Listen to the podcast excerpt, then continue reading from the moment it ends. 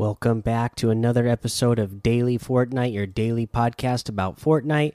I'm your host, Mikey, aka Mike Daddy, aka Magnificent Mikey.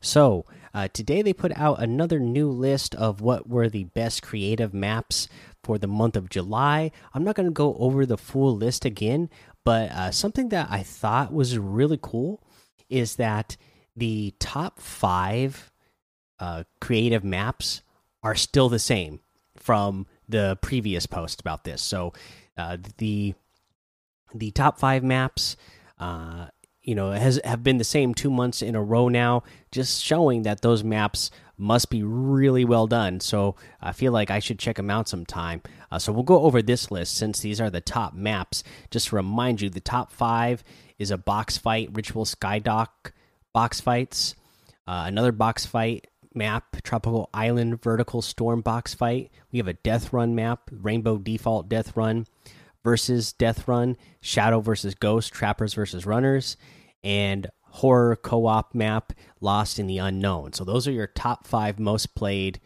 featured creative maps. Okay. Uh, let's see here. So that that was the top five most played creative. That wasn't part of this top five from the month before. Uh, but oh no, it's still it's the same. I, am looking at the notes here, so uh, I think it's still the same. Either way, really cool that uh, maps are staying popular over a long, uh, longer period of time, and that people continue to play them. So that's pretty cool. Uh, and then again, you can go find that blog post on the Fortnite website, and uh, you know you'll be able to go check out all the popular maps. Let's see here. What else do we have? Oh, I wanted to go over the Dream Hack Open schedule for um, for season four here. So here's what we have for the DreamHack Fortnite Open uh, for this month of September. Registration isn't open yet, but they say it will open soon. So this is when the tournament for the Open is going to happen. For NA West, it's going to be September 12th and 13th. On NA East, it's going to be September 17th and 18th. And for EU, September 19th and 20th. So pretty cool. I'm excited for another uh, season of DreamHack. I think DreamHack has been you know, doing their tournaments fantastically. So I'm excited to see more of those uh, tournaments take place. Uh, let's see here again. Uh, you know, nothing new to talk about for challenge tips. We kind of went over those. So let's go ahead and take a break here. Hey, it's Kaley Cuoco for Priceline. Ready to go to your happy place for a happy price? Well, why didn't you say so? Just download the Priceline app right now and save up to 60% on hotels. So, whether it's Cousin Kevin's Kazoo concert in Kansas City, go Kevin, or Becky's Bachelorette Bash in Bermuda, you never have to miss a trip ever again. So, download the Priceline app today. Your savings are waiting. Go to your happy place for a happy price. Go to your happy price, Priceline. All right, now let's go over today's item shop, and it's a pretty cool one. We have all the way back from season four the Fly Trap outfit comes with the Fly Trapper back bling uh, for 2,000 V bucks.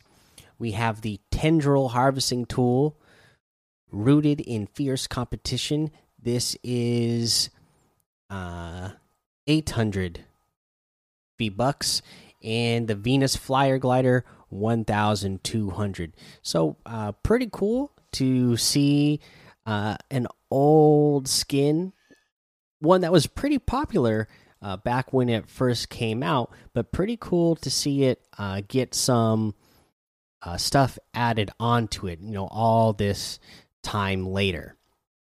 You know because uh, it didn't always come with this back bling this fly trapper back bling and i really like it I think it looks really cool. I like the whole uh, fly traps that you know that they're opening and closing, and there's two big ones and two smaller ones.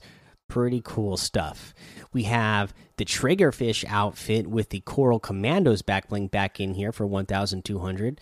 Uh, I love that Coral Commandos back bling just because, you know, those little coral buddies sing whenever you uh, get an elimination. Uh, the Bubbleflage wrap for 500. We have the uh, Surf Witch outfit with the Star Power back, back bling for 1,200. The Starstruck axe for 800. We have the Maki Master outfit with this shrimpy back bling for 1,200. The uh, Feeling Jaunty emote for 500.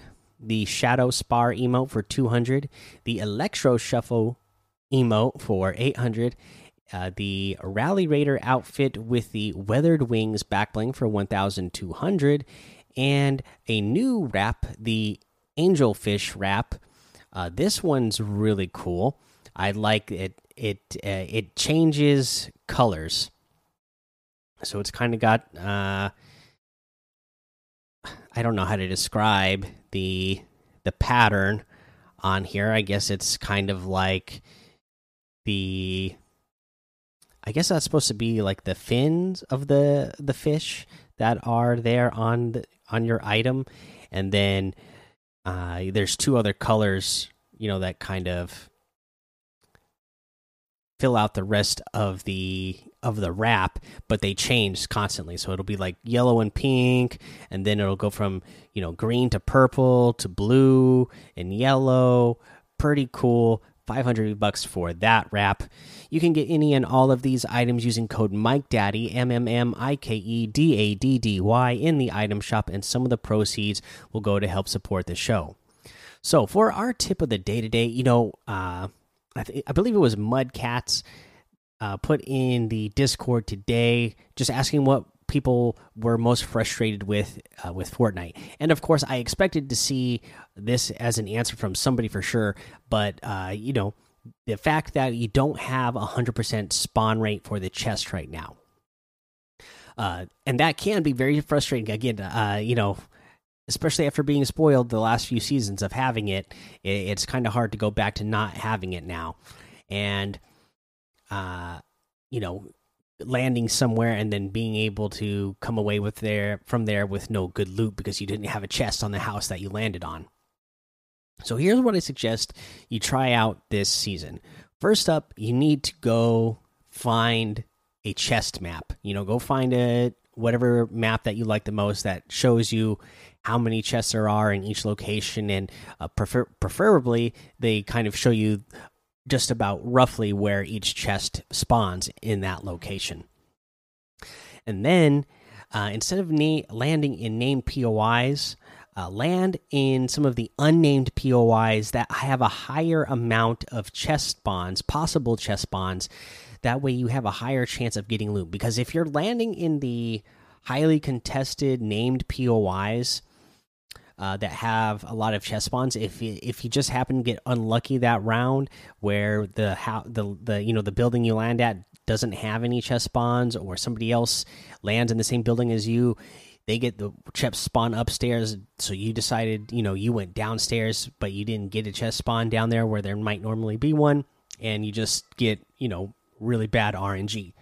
Kind of try to eliminate that just by going out somewhere where there's going to be less people, uh, but still, you know, pick a, you know, don't go somewhere where when you look at the chest spawns that it only has one possible chest spawn. Try to pick an unnamed POI that has, you know, a chance of four or five or maybe even six uh, chest spawns, so that way you have a chance to get some good loot uh, and be less contested.